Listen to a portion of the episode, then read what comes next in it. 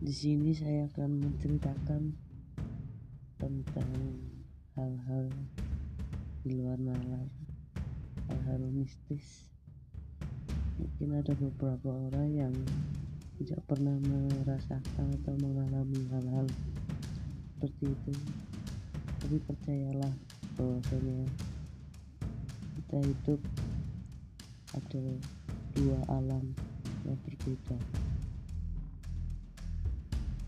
dan kita harus saling menghargai.